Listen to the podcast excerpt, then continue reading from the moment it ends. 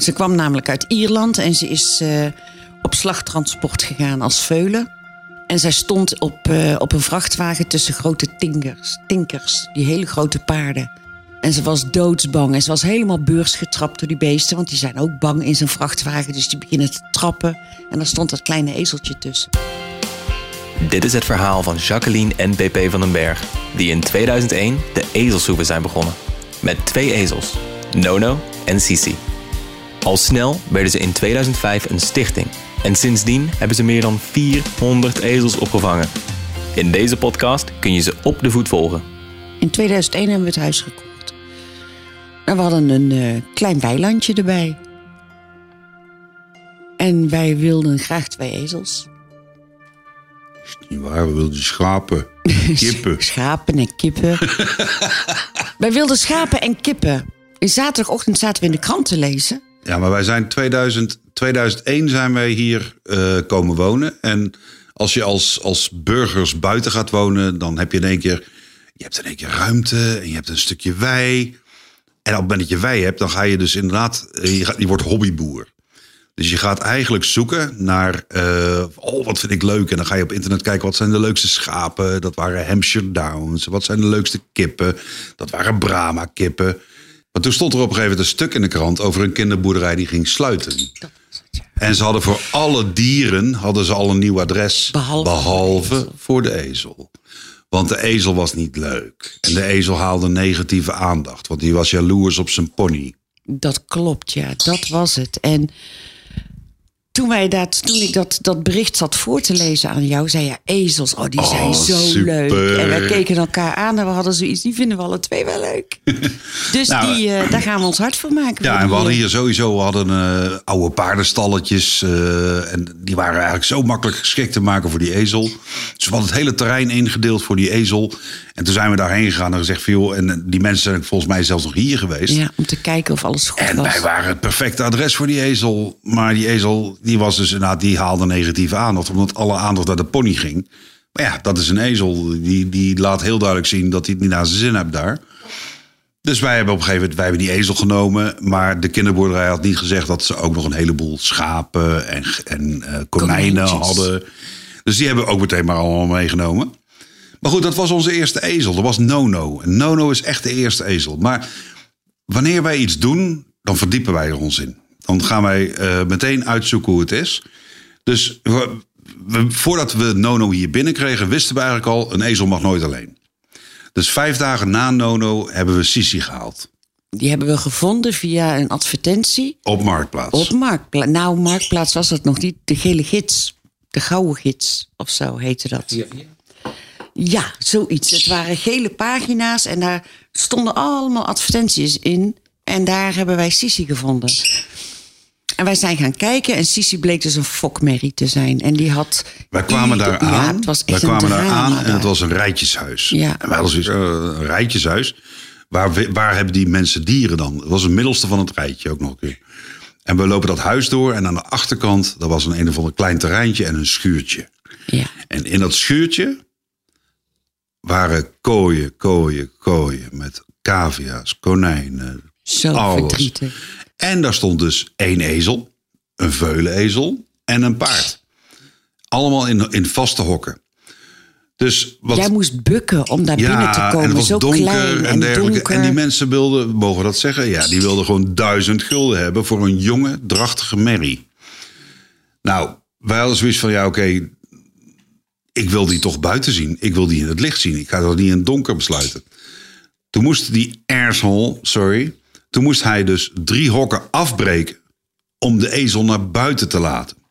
En dan weet je dus dat dat dier nooit dat dier buiten kwam. kwam nooit buiten. Eén keer per jaar als de hengst Ja. kwam om drachtig te worden. En dan ging ze weer terug.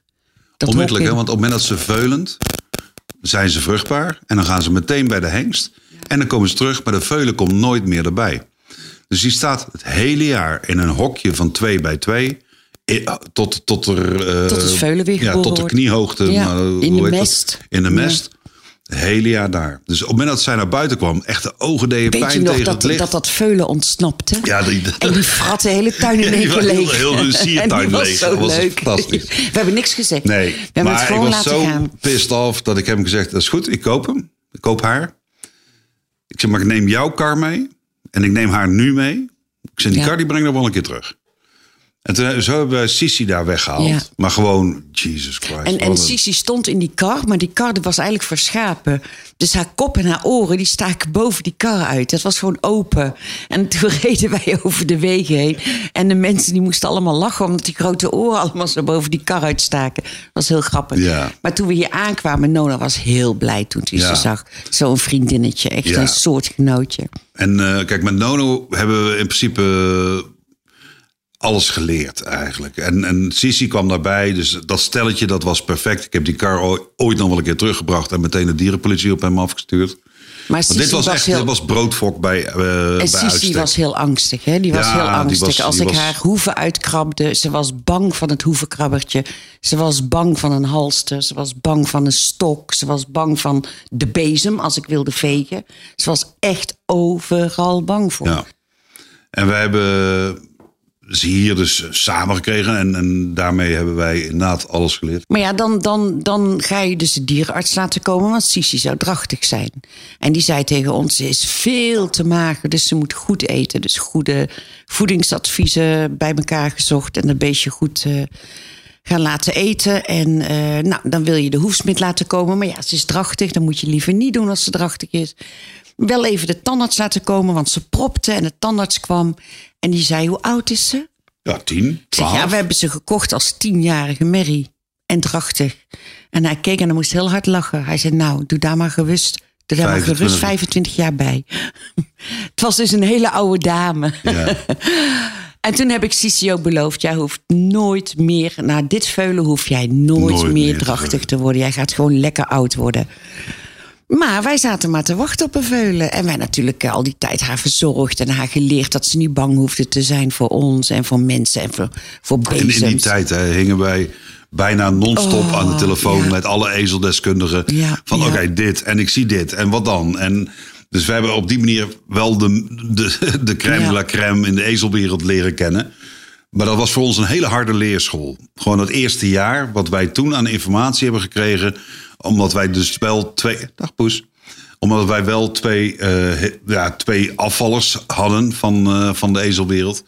Maar wij hebben zoveel informatie en zoveel geleerd in die eerste jaren Ja. eigenlijk. Van Sisi en Nono. Maar het mooie was dus dat eh, wij na een maand of acht de dierenarts hebben gebeld. En gezegd, ja, kom nog eens een keer kijken. Want er zou toch eigenlijk al een veulen moeten zijn. En ja, ze is wel dikker geworden, maar... Ja, en die zei ook, weet je wat, ik ga ze een keer opvoelen. Dus die voelde haar op. Dat betekent dus dat ze met de arm erin gaan om naar de baarmoeder te gaan. En die zei, nou, ik voel een heleboel mest en zooi, maar geen veulen. Schijndracht. Ze was helemaal niet drachtig. En dat was waarschijnlijk ook waarom de broodfokker haar wegdeed. Ja. Maar, Ze eh, werd niet meer drachtig. Dus En- waren wel blij mee. En het hoeft Ja, ook niet meer. Het hoefde niet meer. En Sisi is eh, wel geteld 46 jaar geworden Ja, hier voordat absoluut. ze overleed. Echt een hele oude dame. En het was echt mijn aller, allerbeste vriendin. Ja.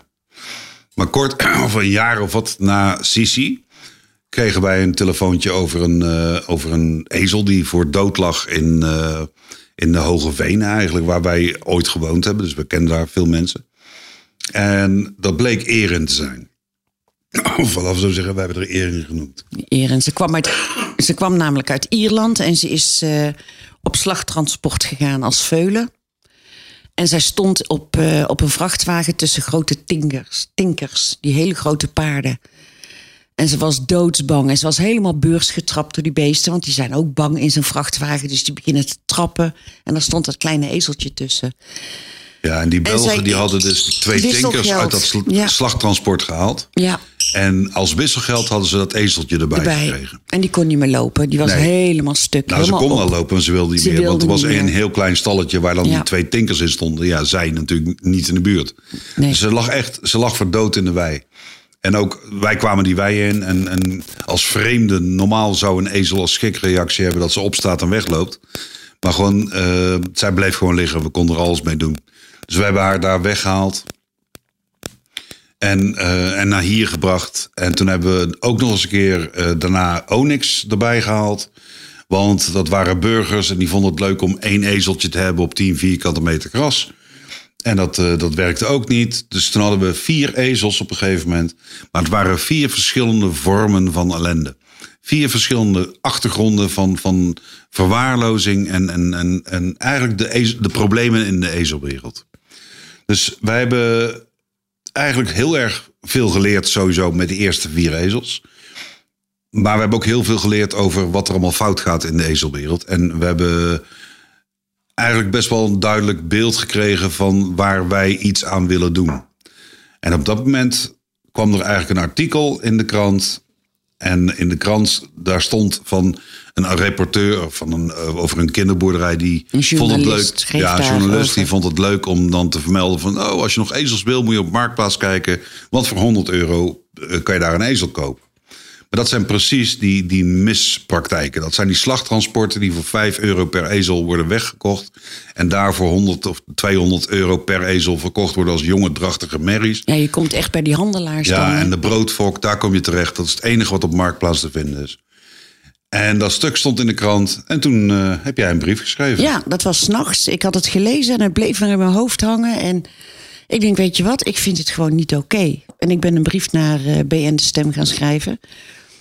Dat eh, ik het er niet mee eens was dat ze de handelaren een gratis advertentie meegaven.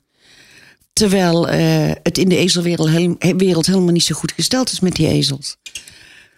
En eh, twee dagen later werd ik gebeld door BN De Stem. En die eh, vroegen mij of het oké was dat diezelfde journalist bij ons zou komen. Want ja, hij vond het toch wel heel schijnend wat ik had geschreven.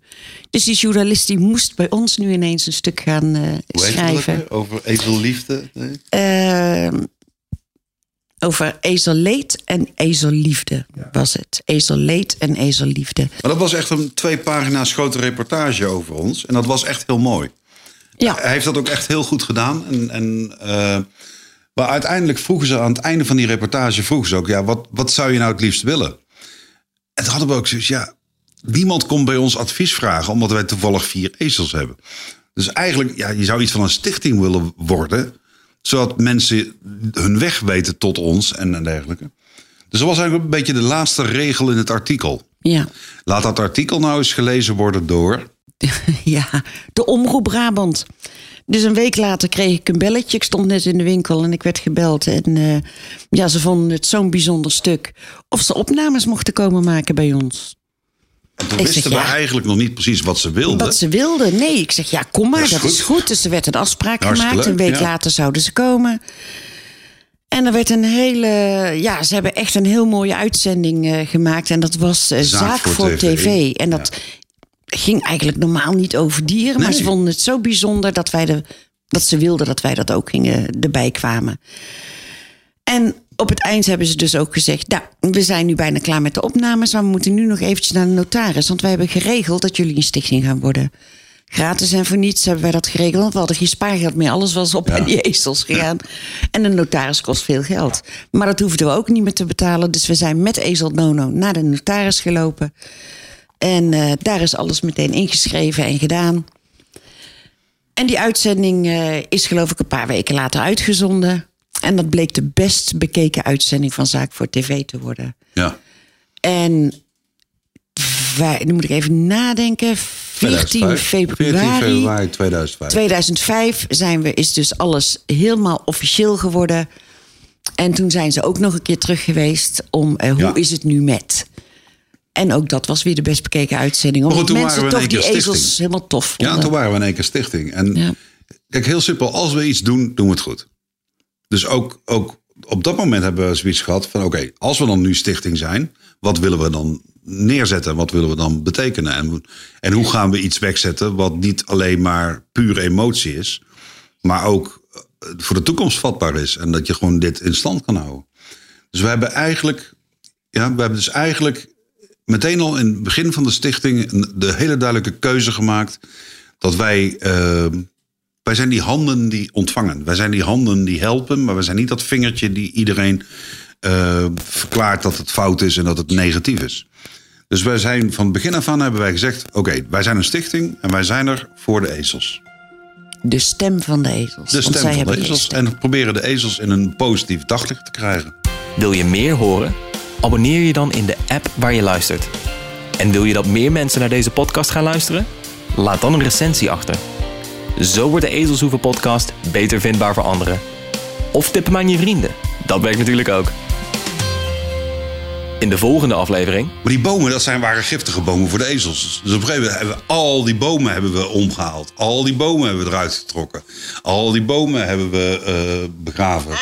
Dit is Dieske en heeft 20 jaar alleen met geiten in de wei gestaan en vindt ezels nog best wel spannend. Op de ezelshoeven krijgt hij de tijd om te wennen en dat gaat steeds beter. Wil jij hem adopteren? Ga naar ezelshoeven.nl en adopteer een ezel voor maar 5 euro per maand.